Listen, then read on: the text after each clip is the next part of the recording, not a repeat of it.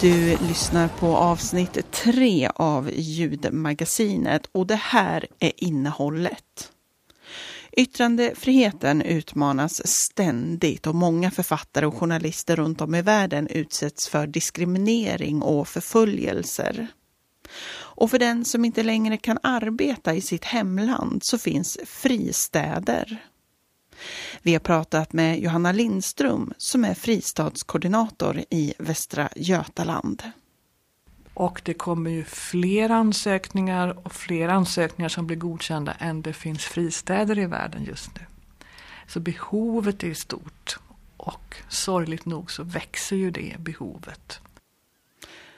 Och så har vi träffat Khaled Harara som fick en fristad i Göteborg. That's I didn't have any choice and if I'm gonna keep all these um, ideas, emotions, anger inside of me I guess it wasn't gonna end up in a, in a good way. Det är mycket som ska sammanfalla för att något ska bli en trend. Vad är det som egentligen gör att det blir inne med gympaskor med hög sula eller att brygga sin egen öl? I en serie ska vi titta närmare på några trender. Vi börjar med att prata med Magdalena Pettersson McIntyre, docent i etnologi och som forskar om våra konsumtionsvanor. Jag tror att det är viktigt att tänka att eh, trender eh, uppstår i samverkan, att det inte är någonting som har en tydlig avsändare, att det är en person som sprider trenderna, utan de uppstår på många ställen samtidigt. Och så ska vi dyka ner i modebranschen. Här finns många snabba trender, men också trender som återkommer år efter år. Vi har träffat Camilla Madsen som jobbar med trender på Lindex. Alltså det får oss att känna vårkänslor ja. igen och vi längtar efter det. Mm. Så det är, egentligen är det känslor och nostalgi som gör att det kommer tillbaka. Det blir nyheter, månadens bild, tävling och sist en redaktionsruta.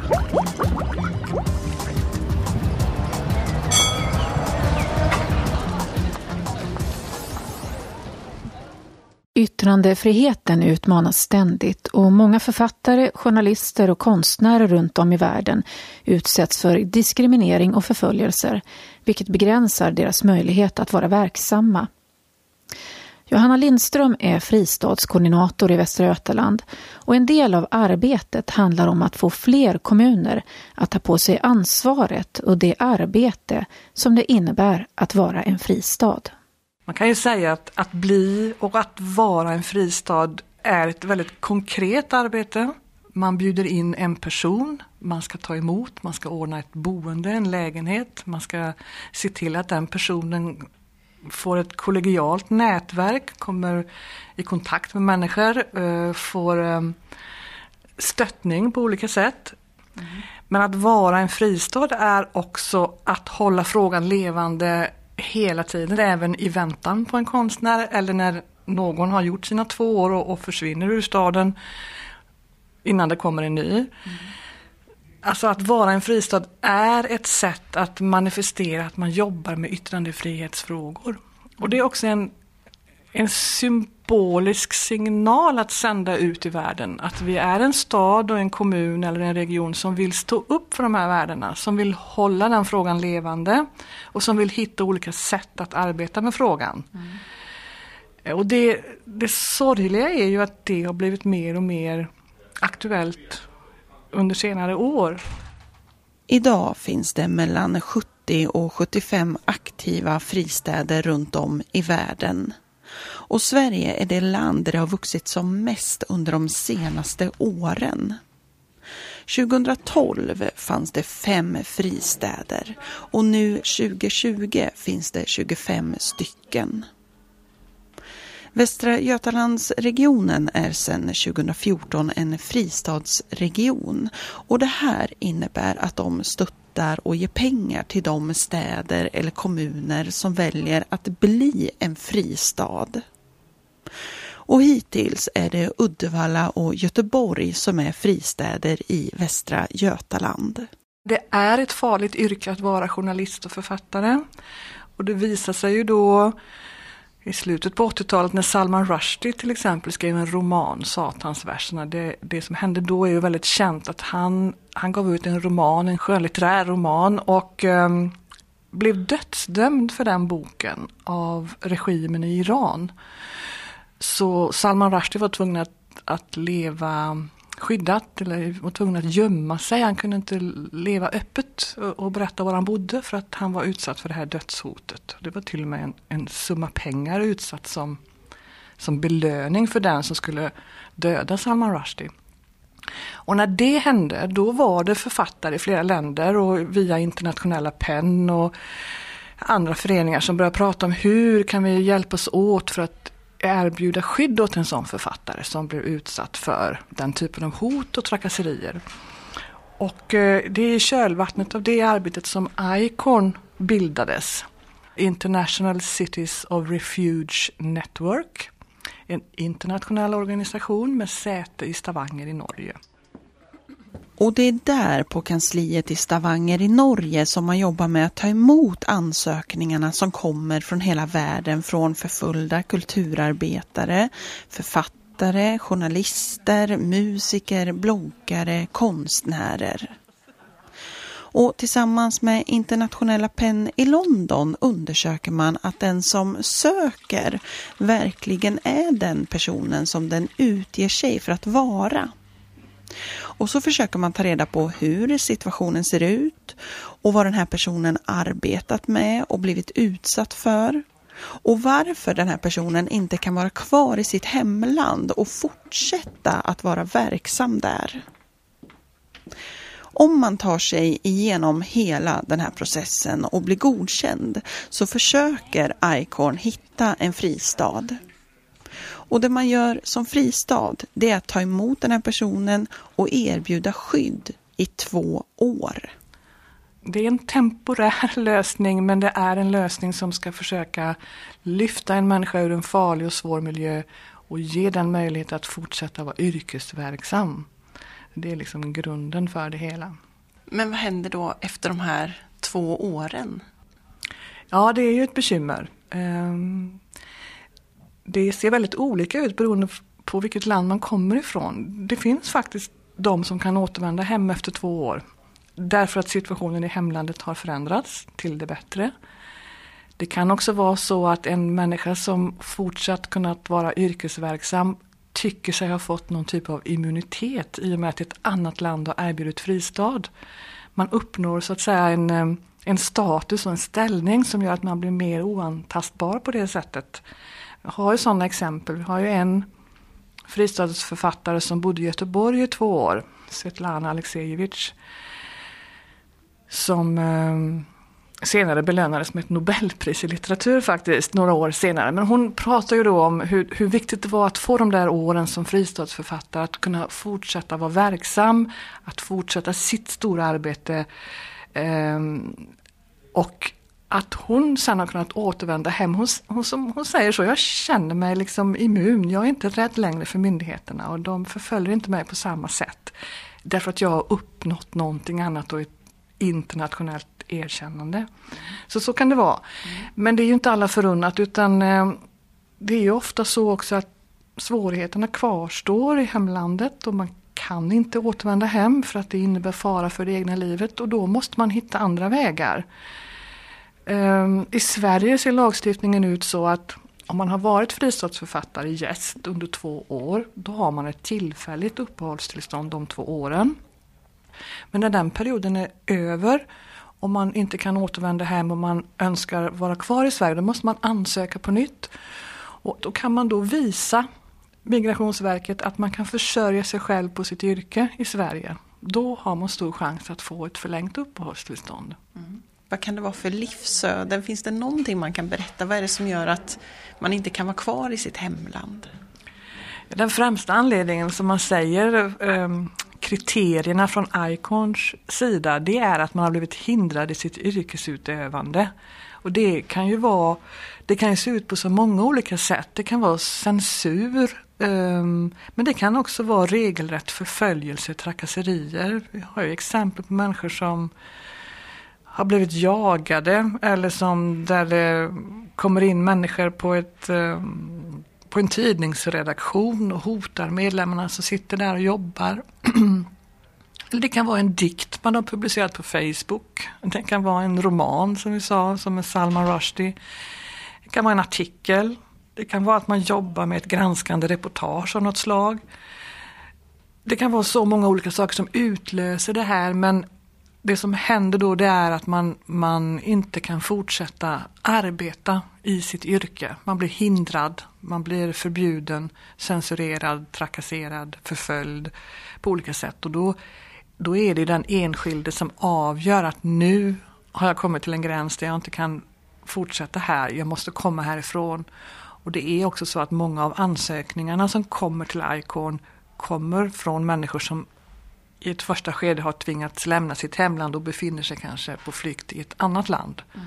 när de söker en fristad. Mm. För att de har varit tvungna att ta det första steget på egen hand men, men måste också hitta en utväg där. Och det kommer ju fler ansökningar och fler ansökningar som blir godkända än det finns fristäder i världen just nu. Så behovet är stort och sorgligt nog så växer ju det behovet. Det sa Johanna Lindström, fristadskoordinator i Västra Götaland. Reporter Sandra Florin.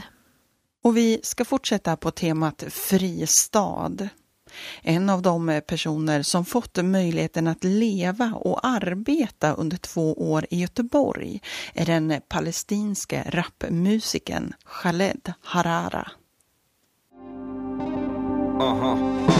اطار حريتي مبعد اطار التلفزيون البس البنت نقاب البق على الفيزون الحريه نفس اللي بشلها شعبي مات والنتيجه في Khaled Harara var i Danmark under en turné med sitt palestinska band när han bestämde sig för att hoppa av.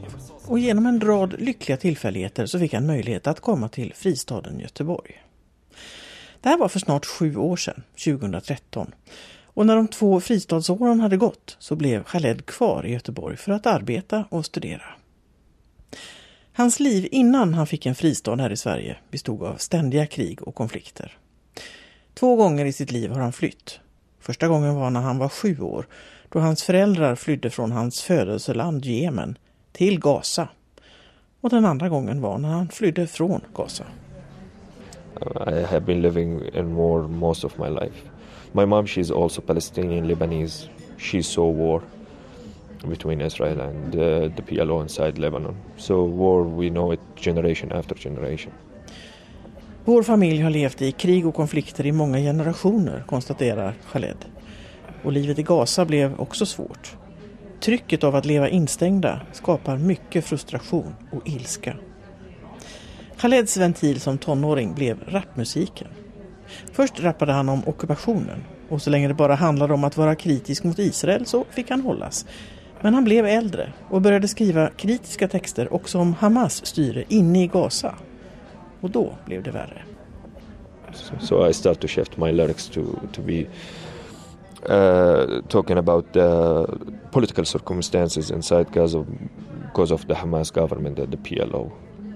It seems to me like a very brave thing to do.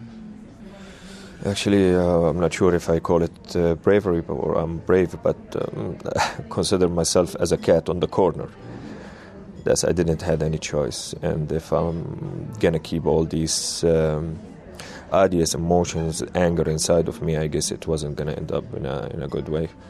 So I found the most strongest way to release all these things in my head. It was music, because music it's it's so powerful. For example, in any conflict area, when you have a dictator regime, the first thing they do, they always target musicians and culture. They shut down culture, they minimize the budgets, they close theaters, they arrest musicians, and then they do their own culture. That's it's advertising their mentality. Nej, han var inte alls modig, säger han, som skrev kritiska texter om regimen inne i Gaza. Jag var mer som en katt som blivit inklämd i ett hörn, säger han och menar att rappandet blev ett sätt att hantera den egna ilskan. Han var inte förvånad över att hans musik blev för mycket för Hamas-regimen. Musik är ett starkt vapen och det finns ett skäl till att auktoritära regimer nästan alltid ger sig på kulturen, fortsätter Khaled. Vid ett tillfälle hamnade han i fängelse för sin musik. Men han vet fortfarande inte vad anklagelsepunkten var. Inte mer än att de styrande inte tyckte om det han gjorde. Now I don't know, but actually you can say like my charge was that I do rap music beside my lyrics in the songs. It wasn't uh, fit with the view of the government there. Under sina två år i fristaden Göteborg så etablerade Khaled samarbete med svenska musiker. Just nu så studerar han för att bli internationell kulturprojektledare via en YH-utbildning. Han har redan gjort flera projekt som faller under den rubriken. Bland annat så har han ordnat små portabla studiomixrar som ungdomar, inte minst unga tjejer, i Gaza kan använda för att göra musik som kan spridas. Och just nu så arbetar han och några studiekamrater med att skapa en instrumentbank som kan användas i olika konfliktområden. För det finns ingenting som kan förbättra människors liv så tydligt som kultur, säger Khaled Harara. Nu har han varit i Sverige i snart sju år. Men ännu har han inte nått den punkt då han kan känna sig helt fri. Fortfarande spökar minnena i det undermedvetna, berättar han. Absolutely not. Until now. Because in un my, my unconscious level I'm still uh, still having the memories from there. For example, until now when I finish a concert uh, and go down from the stage, like for a millisecond I have uh, a thought that's now I'm gonna go to the prison. But can you say that you have had a point yet in your life when you have felt free to express yourself? No, Do you think it'll come? I don't know. It's a really hard question, but if if it's happened in the future, I will update you for sure. What about your anger today? Have you been are you able to, to manage it? Oh, well, first of all, thanks to Sweden, that's made me less angry. But uh, maybe I'm a little bit upset now because it's. Um, I'm divided actually. To came from a conflict area, living in a peaceful country like Sweden, which is I hope my country is going to be peaceful one day like Sweden. الحرية النفس اللي عشانها شعبي مات مات مات مات مات Han har fortfarande inte känt sig helt fri att uttrycka sig, men säger att han lovar att berätta när det händer. Och när det gäller den där ilskan som blev drivkraften för hans musik så har den lugnat sig en smula. Sverige har gjort mig mindre arg, säger han. Jag kan bara hoppas att mitt eget land får se fred någon gång i framtiden, avslutade Khaled Harara. Och det var vår reporter Elisabeth Renström som hade träffat honom.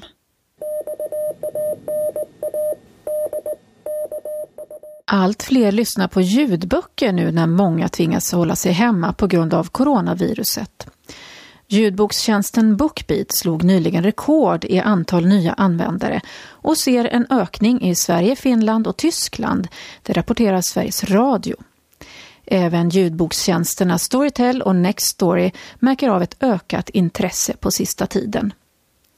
En ljudbok är tio timmar lång i snitt, så har man en vardag nu som innehåller väldigt mycket tid i hemmet så är det bra att kunna fylla den tiden med längre underhållning. Så jag tror att det är ett sätt för människor att koppla av och koppla bort det ständiga nyhetsflödet vi ser just nu. Det säger Niklas Sandin på Bookbeat till SR. Det har tillsatts ett par nya chefer inom den regionala kulturen i Västergötland på sistone. Vara konserthus kommer snart att få en ny VD, det berättas i ett pressmeddelande. Ny VD och konserthuschef det blir Petra Klovik och hon kommer närmast från rollen som ansvarig för Göteborgs symfonikers barn- och ungdomsverksamhet. För Petra Klovik är Vara konserthus verksamhet redan bekant då hon sedan 2015 varit ledamot i styrelsen. Hon har själv arbetat som violinist och har lång erfarenhet av musikpedagogiskt arbete. Det senare uppskattas särskilt då Vara konserthus har kultur för barn och unga som högsta prioritet. Det säger Sture Karlsson, styrelseordförande på Vara konserthus. Göteborgs konstmuseum får också en ny chef. Det blir Patrik Störn, docent i konstvetenskap som sedan 2014 har arbetat som intendent och chef för Tiska galleriet i Stockholm. Han har även arbetat på Nationalmuseum och forskat inom ämnet svenskt mode. Han tillträdde sin tjänst i Göteborg i september i år. Krisberedskapen i Sverige måste i större utsträckning inkludera hela befolkningen. Det visar en uppföljning som Myndigheten för delaktighet, MFD, har gjort av funktionshinderpolitiken 2019.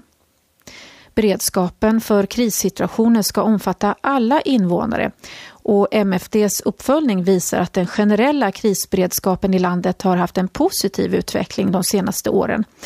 Men trots detta så är beredskapen fortfarande låg för personer som behöver samhällets stöd och som behöver tillgänglig information.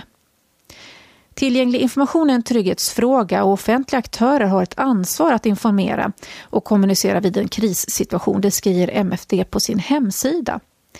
I en enkät som besvarades av 2150 personer med funktionsnedsättning så svarar drygt en tredjedel att de känner sig ganska eller mycket oroliga över möjligheten att få och förstå information om något händer. Fler kvinnor än män känner en sån oro. Många beskriver också att de är rädda för att bli bortprioriterade vid en kris eller att de inte litar på att myndigheter kan kommunicera tillgängligt.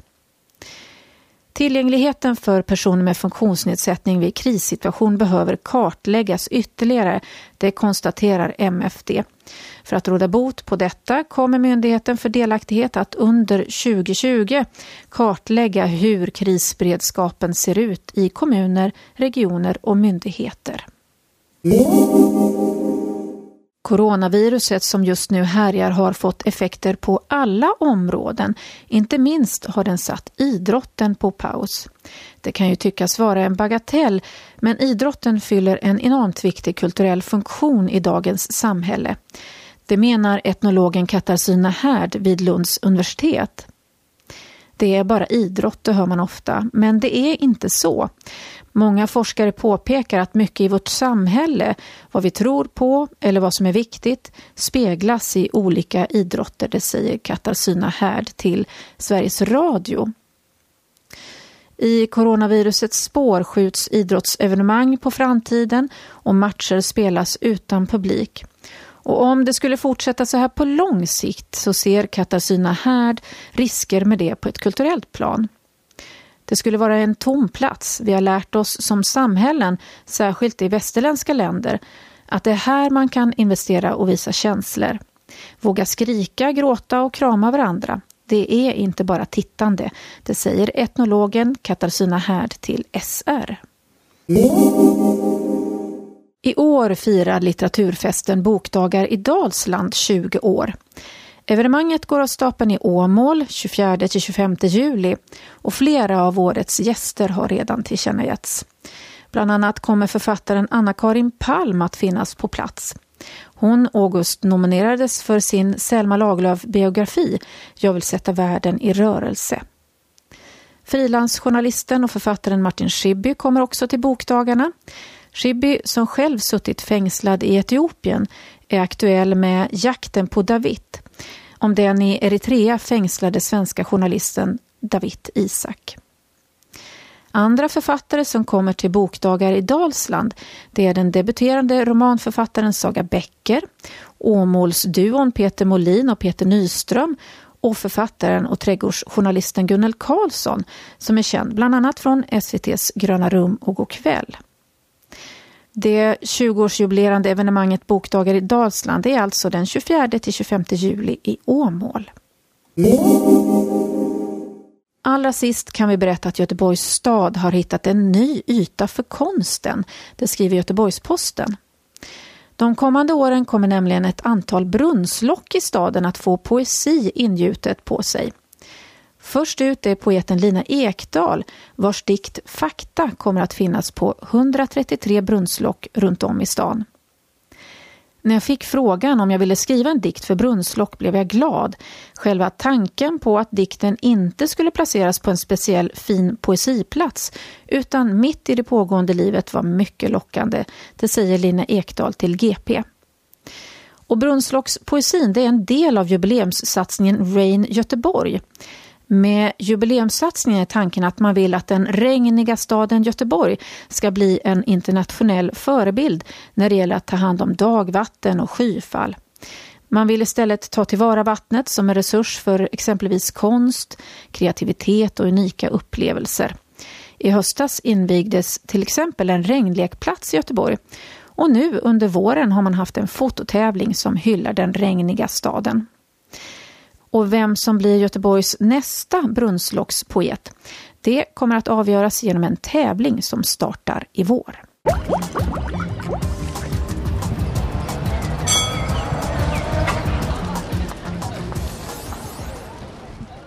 I samhället idag översköljs vi ständigt av olika trender. Helt plötsligt är magväskan inne. Alla lär sig att dansa flossdansen och rätt vad det är finns det barberare i varje gathörn och män odlar helskägg. Men hur uppstår trender och hur mycket väljer vi själv vad vi hoppar på? Vi ska titta närmare på trender i en serie framöver och vi börjar med att prata med Magdalena Pettersson McIntyre, docent i etnologi och föreståndare på Centrum för konsumtionsvetenskap vid Göteborgs universitet. Jag tror att det är viktigt att tänka att eh, trender eh, uppstår i samverkan, att det inte är någonting som har en tydlig avsändare, att det är en person som sprider trenderna, utan eh, de uppstår på många ställen samtidigt och ehm, sprids när de i någon mening känns meningsfulla kanske. Och, och, och någonting som väl också är intressant vad gäller begreppet trend och det, det är väl att det ofta ses som någonting lite negativt att när vi säger trend så tänker vi att det är någonting eh, tillfälligt, någonting övergående, någonting lite åt det onödiga hållet. Vad är det då som gör att vissa trender blir kortvariga medan andra ständigt tycks vara aktuella? För några år sedan köpte exempelvis många en One Piece. Den här mysoverallen blev ett plagg som man såg på stan. Idag är den sällsynt. Men den klassiska trenchcoaten den dyker ständigt upp i modemagasinen, både till vår och höstmodet. Magdalena Pettersson McIntyre säger att just det fallet kan vara så att One Piecen hade en lite mer humoristisk inramning. Kanske bär man den fortfarande, men bara hemma nu för tiden. Trenchcoaten lyfts ständigt fram i modetidningarna, men hur ofta ser man den egentligen på folk på stan? När någonting slår väldigt brett och jättemånga har det, då försvinner det också snabbt. Um, men en trenchcoat, även om den lyfts fram ständigt i modepressen då, så, så har den kanske inte haft det där breda genomslaget på väldigt många år då. Och därför så kan den komma igen och igen. Mm. Um, Medan en, en, en One Piece kanske då, ja alla såg den. Den kanske inte var så användbar. Mm. Så mm. försvinner den. Hur mycket väljer vi egentligen själva att skaffa helskägg eller börja långdistanslöpa? Och, förstår du, hur mycket väljer vi egentligen? Ja. Jag tror att det är en kombination. Eh, det, det, finns lite olika aspekter på det där. Ibland har man trott att precis allting kan säljas eh, bara man eh, har jättemycket reklam och marknadsföring. Men så är det ju inte. Det finns ju många exempel på när reklamkampanjer eller produkter Eh, misslyck, Eh, att det misslyckas då eller att det blir fel. Eh, och, och, eh, ett tydligt exempel på det är väl de stora reorna som ofta finns då att det köps in mer, mer, mer kläder än vad som säljs även om reorna kan också vara del i affärsmodeller och sådant. Men, men, men ja, att det är färger som slår fel, att det är plagg som slår fel. Det, det är ju jättevanligt. Så att för att någonting ska bli en trend och, och, och så tror jag att det måste, det måste finnas um, no, no, vi måste se det som meningsfullt. Idag är hållbarhet en stor trend. Det finns ett stort intresse för hållbara resor, bättre producerade kläder, möbler och inte minst mat. Men bara för att intresset för hållbarhet finns så betyder det inte att konsumtionen faktiskt blir mer hållbar. Det säger Magdalena Pettersson McIntyre. På det stora hela ökar ändå konsumtionen. Idag har vi mycket fler trender än man hade förr. framförallt när det gäller kläder. Plaggen i butikerna byts ständigt ut, kläderna är billigare och modecyklerna har snabbats upp.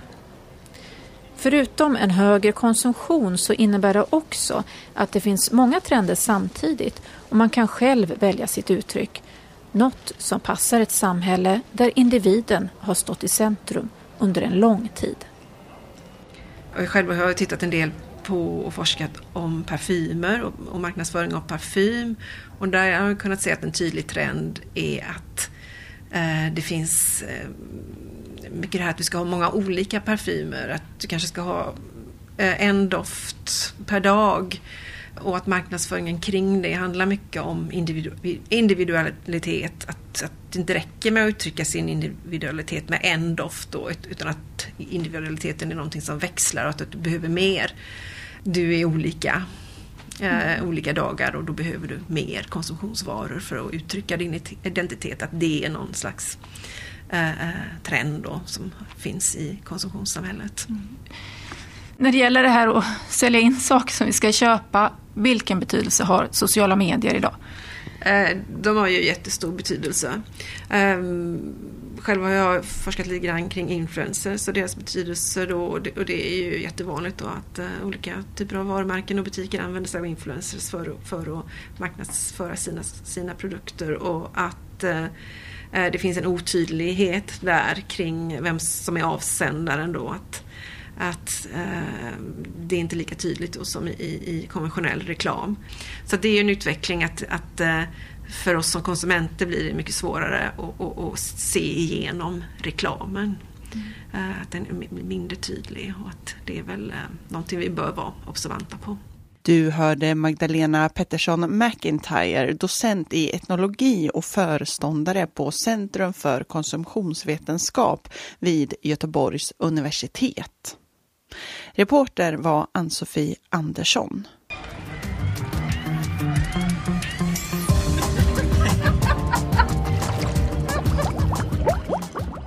Vi stannar kvar bland trender och dyker ner i modebranschen. Här kommer det hela tiden nya trender, samtidigt som vissa aldrig försvinner. Och vad vi väljer att klä på oss, det handlar en del om våra känslor och nostalgi. Vi har träffat Camilla Madsen, designkoordinator på Lindex och hon berättar om vårens stora trender. Det som är svårt att svara på när det gäller det, det är ju att det alltid är så många trender på samma gång. Eh, och det kan man väl säga att det beror mycket på att vi är olika varandra. Vi har lite olika behov, vad vi vill ha. Mm. Så man kan inte bara göra en trend och så funkar det för alla. Eh, men överlag skulle man kunna säga att vi ser ett större behov av att man går tillbaka till klassiker och praktiska plagg. Eh, mer komfort. Eh, och i kontrast till det kanske man söker någonting som är extra mycket glädje, mycket färg. Så det är liksom olika inriktningar så. Och vad är klassiker? Eh, klassiker, då kan man säga att det är rätt så rena snitt. Ofta så är det eh, en känsla av unisex faktiskt kan man säga också. Att det är både herr och dam skulle kunna ha det där på sig. Eh, ofta ränder. Rätt så klassiska färger som man inte tröttnar på. Neutraler, blått och även rött och mm. vitt och svart. Ofta är det hållbara material i att det är slittåligt då med bomull och linne är också rätt så klassiskt, liknande så.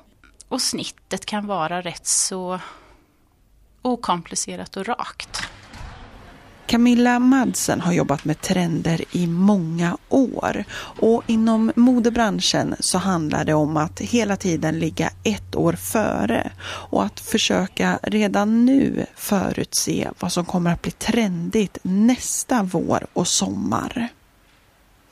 Samtidigt som vi pratar om nya trender så finns det vissa klädesplagg som alltid kommer fram i butikerna när våren närmar sig. Det gör det verkligen. Eh, ofta känns det som att man gör samma trend igen och igen och igen. Men det finns alltid någon typ av förnyelse i det i alla fall. Mm. Men det beror också på oss människor att vi är olika. För vi klär oss ju dels efter vem vi vill uttrycka att vi är. Kanske vad jag har för åsikter eller vem jag bara vill att andra ska uppfatta mig som eller hur jag själv mår bra i.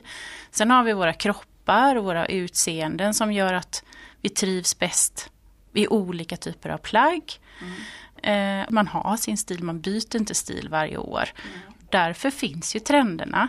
Men man vill ju ändå ha någon typ av förnyelse. Det händer ju saker med volymer och längder och färger och print, alltså mönster mm. då på, eh, som förändras sakta men säkert skulle man kunna säga. Och sen är det ibland att det kommer någon väldigt snabb trend som ingen hade förutsett nästan och den kanske slår till snabbt men den kan också dö fort då. Men vad är det som gör då, när ingen har förutsett det, vad, vad är det som kan göra att det blir en sån trend? Det kan ofta vara att det är en, en händelse som händer som vi inte har kunnat förutspå.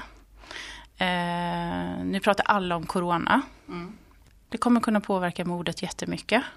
Vi har ju redan haft tendenser till att man vill mer eh, skydda sig och, och munskydd och skydd på olika sätt. Att man klär sig lite mer eh, i utility, alltså praktisk uniformsaktigt sådär. Mm. Eh, och den trenden kommer ju kunna förstärkas i och med den här rädslan som byggs upp.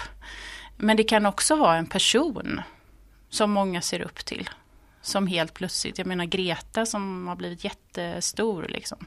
Alla, Greta Thunberg. Ja, Greta Thunberg. Ja, alla ser henne i en gul regnkappa. Och, nej, men det kan vara lite sådana grejer som kanske gör att man helt plötsligt får en en, man vill följa någon, mm. ha likadant. Mm. mm. Många förknippar vårmodet med ljusare färger, tunnare material, den vita krispiga skjortan eller det marina modet. Det finns alltid någon vit tröja med röda eller blåa ränder. Och vad vi väljer att klä på oss handlar en hel del om våra känslor och nostalgi. Och det är det som gör att samma trender återkommer år efter år. Nu längtar vi väldigt mycket efter våren. Eh, och vi längtar eh, kanske till havet, till bryggan och segling för många. Och det är andra saker såklart. Då tror jag att det här med ränder Alltså det får oss att känna vårkänslor ja. igen och vi längtar efter det. Mm. Så det är, egentligen är det känslor och nostalgi som gör att det kommer tillbaka. Mm. Mm. Den vita skjortan? Den är en extrem klassiker skulle ja. man ju vilja säga. Mm. Den är ju dessutom ett plagg som både herr och dam använder och så. Men självklart är det inte alla som trivs i en vit skjorta. Eh, så den finns ju också i många olika material. Lite mm. mjukare och lite stelare och så. Eh, men den kommer alltid tillbaka. Mm. Mm. Den passar ju också till väldigt mycket. Ja. ja. Så jag tror att det, det är ett sånt där plagg som aldrig försvinner för den blir aldrig fel. Om man tänker på klimatet och miljöaspekten, det är många olika trender, mycket kläder som produceras samtidigt som många i modebranschen pratar om en hållbar garderob. Det är en väldigt komplex fråga såklart eftersom vi är ett företag som behöver få in pengar till våra löner och så. Eh, men vi brinner väldigt mycket allihopa här för faktiskt att bevara miljön och naturen och göra saker och ting på ett bra och schysst sätt även mot de som eh, jobbar mm. med oss och vi själva. Eh, så ett hållbarhetstänk överallt är jätteviktigt och kommer först för oss. Det här med en hållbar garderob, att tänka långsiktigt med sin garderob, det tänker vi är ett sätt att om vi pratar om det så kan vi förändra också kundens beteende och köpbeteende. Eh, långsamt, långsamt kanske, men att Eh, att man handlar saker som man tänker att det här kan jag bevara, behålla länge. Jag kommer sköta den här produkten på ett bra sätt så att den håller längre. Den passar i min garderob. Jag behöver inte byta ut den hela tiden. Eh, men ibland kanske det också kostar lite mer att köpa den om den ska hålla länge då. Och även ekologiska produkter är ju lite dyrare i tillverkning.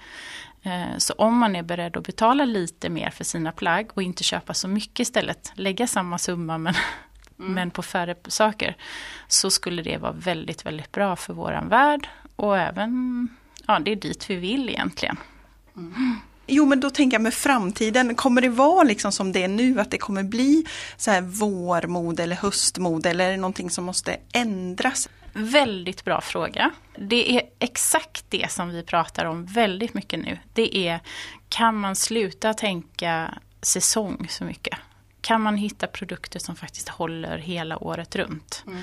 Eh, och kan användas så mycket som möjligt och så ofta som möjligt. Så att man inte behöver en massa olika plagg utan att man kan ha färre. Mm. Eh, så det är verkligen någonting som vi diskuterar och pratar om. Det sa Camilla Madsen, designkoordinator på Lindex. Reporter Sandra Florin. Under 1960 och 70-talet hände något med svensk scenkonst. Fria teatergrupper skakade om etablissemanget och en ny publik växte fram. Allt det här handlar Göteborgs stadsmuseums nya utställning om. Den heter Frispel, scenkonst i förvandling 1960 till 2000. Utställningen har premiär den 25 april och här kommer besökaren att få ta del av historien om hur scenkonsten fick nya vägar. Och vi har syntolkat en av bilderna från utställningen. Bilden är tagen 1970 vid en föreställning av pjäsen Lev hårt, dö ung. Fotografen är okänd. Gruppen Nationalteatern stod bakom föreställningen som i programbladet beskrivs som en citat fick-musikal om en tonåring, vem som helst, som lämnar barndomen och ger sig ut i stora vilda världen. Slut citat. Fotografiet är svartvitt. Tre personer är med i bilden. Samtliga är i 25 till 30-årsåldern. I bakgrunden sitter skådespelarna och musikerna Ulf Dageby och Anke Ralskog på varsin hög pall. De sitter tysta och allvarliga och betraktar mannen som står i förgrunden. Mellan Ralskog och Dageby står en trumma. En smal, hög trumma som han spelar på med händerna. Kanske är det en konga. Ralskog och Dageby bär samma typ av kläder på sig. Det är ljusa mjukisbyxor i något som ser ut som krossad sammet. Byxorna är utsvängda längst ner och så bär de en mjuk, långärmad tunn tröja till. Anki Ralskog har långt ljust hår med lugg och Ulf Dageby har en kort spretig lugg och lite längre hår i nacken och så har han skägg som en skepparkrans. I förgrunden står huvudpersonen. Han har strålkastaren riktad mot sig och han är vän mot publiken medan han pratar. Det är Paul Olofsson som spelar huvudkaraktären, den i pjäsen 12-årige Hackapelle. Han är spritt språngande naken så när som på en liten lapp som skyler de intima delarna. Lappen är fäst i ett resårband eller liknande som går runt kroppen på honom. I sin högra hand håller han i ett plakat. Pinnen på plakatet den är så lång så att den lutar han i golvet. På plakatet står det Jag protesterar med stora bokstäver. Paul Olofsson ser allvarlig ut. Hans mun är öppen, han är mitt i en mening och hans mörka halvlånga hår är lite spretigt och yvigt. Det är sparsamt med scenografi och man får känslan av att det inte är en scen de står på utan snarare befinner man sig i en gympasal, fritidsgård eller liknande där publiken sitter i samma nivå som de som uppträder. En låda, en till pall, en släckt lysrörslampa i taket och en skärm är det som finns i omgivningen och på spelplatsen. Olofssons skugga avspeglas på den ljusare skärmen bakom honom. Man ser inte publiken men man känner att de är där. Det finns mycket närvaro i bilden. De två skådespelarna som sitter i bakgrunden är fokuserade på huvudpersonen som just tycks säga något viktigt. Man får känslan av att man skulle kunna höra en knappnål falla i lokalen. Utställningen Frispel, scenkonst i förvandling 1960-2000 öppnar på Göteborgs stadsmuseum den 25 april och pågår fram till våren 2022. I den förra frågan vill vi ha namnet på en känd svensk sångerska och skådespelerska. Frågan hade Melodifestivalanknytning. För den här sångerskan sjöng nämligen det första svenska bidraget till Eurovision 1958. Det hette Lilla stjärna och den som sjöng var Alice Babs. Får jag läsa i hans öga samma svar, samma svar som jag tycker att du blinkar nu lilla stjärna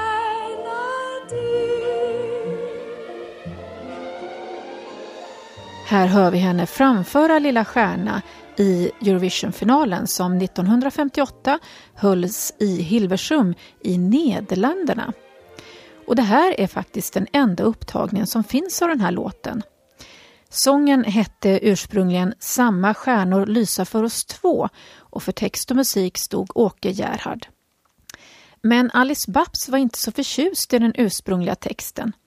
En ny text skrevs av Gunnar Versén och låten döptes om till Lilla stjärna. Allt utan Åke Gerhards vetskap och medgivande.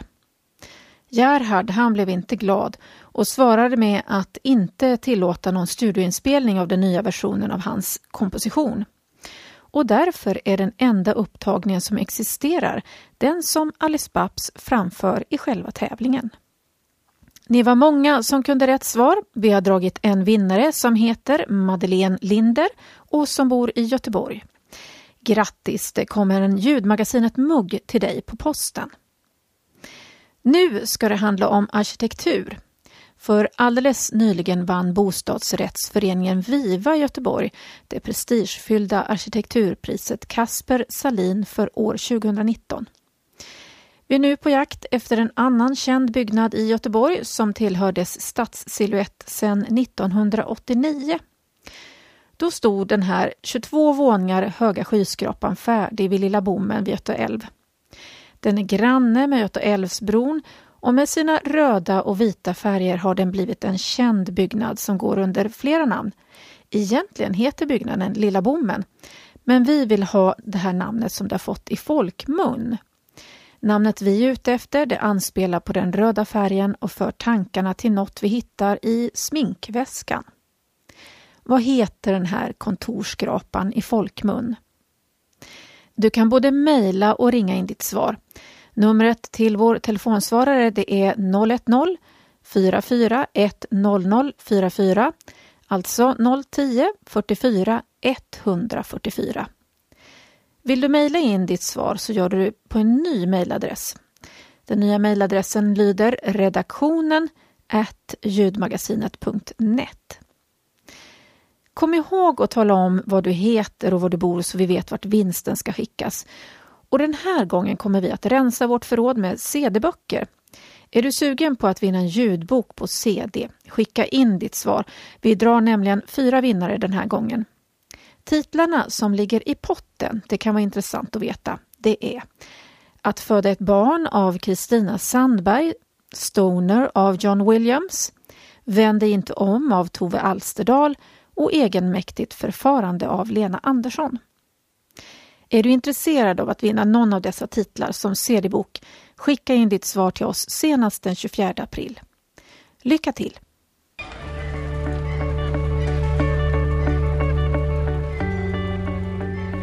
Du har lyssnat på ljudmagasinet som produceras av Förvaltningen för kulturutveckling. Ansvarig utgivare är Jenny Berner och henne når du på telefonnummer 076 836 04 77. Vill du komma i kontakt med oss på redaktionen så kan du mejla till info ljudmagasinet.net eller ring 0761 33 13 61.